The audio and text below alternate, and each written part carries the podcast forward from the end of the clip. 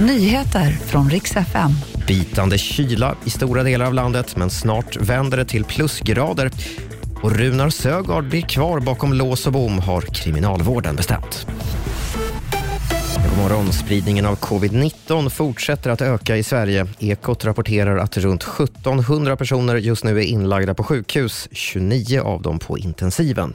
Flera sjukhus har gått upp i stabsläge, men från Folkhälsomyndighetens håll tycker man inte att det behövs några nya restriktioner just nu.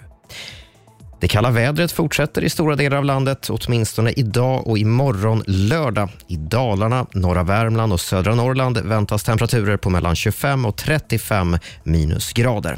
Men sen blir det faktiskt plusgrader från söndag och framåt. De sydliga delarna får mild luft och nederbörd i början av nästa vecka, något som skulle kunna hota den vita julen på sina håll.